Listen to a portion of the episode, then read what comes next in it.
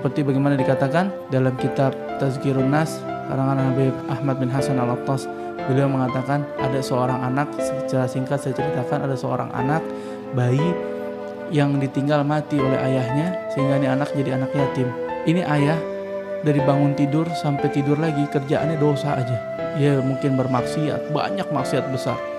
Pokoknya ini ayah benar-benar terkenal sebagai ahli maksiat. Sampai mati pun dalam keadaan maksiat fasik tapi muslim tetap ketika dia meninggal ayah anaknya ini masih bayi ketika anaknya setahun dua tahun tiga tahun sampai masa ini anak bisa belajar bisa belajar ngomong ya maaf hmm. bukan belajar apa belajar bicara maka kalimat pertama yang diucapkan ibunya adalah kalimat Bismillahirrahmanirrahim Nah ketika anak itu bisa mengucapkan Bismillahirrahmanirrahim Ada seorang wali Allah yang ada di zaman itu hmm. Mimpi melihat kuburannya ini ayah Gak diazab sama Allah Gak disiksa sama Allah Padahal sebelum-sebelumnya disiksa, diadab Kenapa?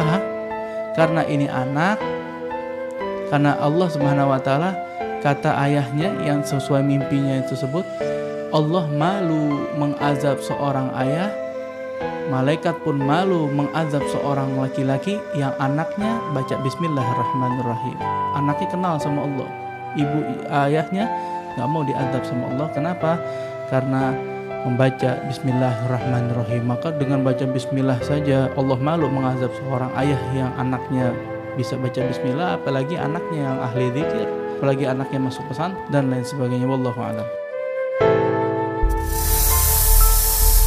Mutiara Hikmah ini dipersembahkan oleh Radioku Inspirasi Spirit Hati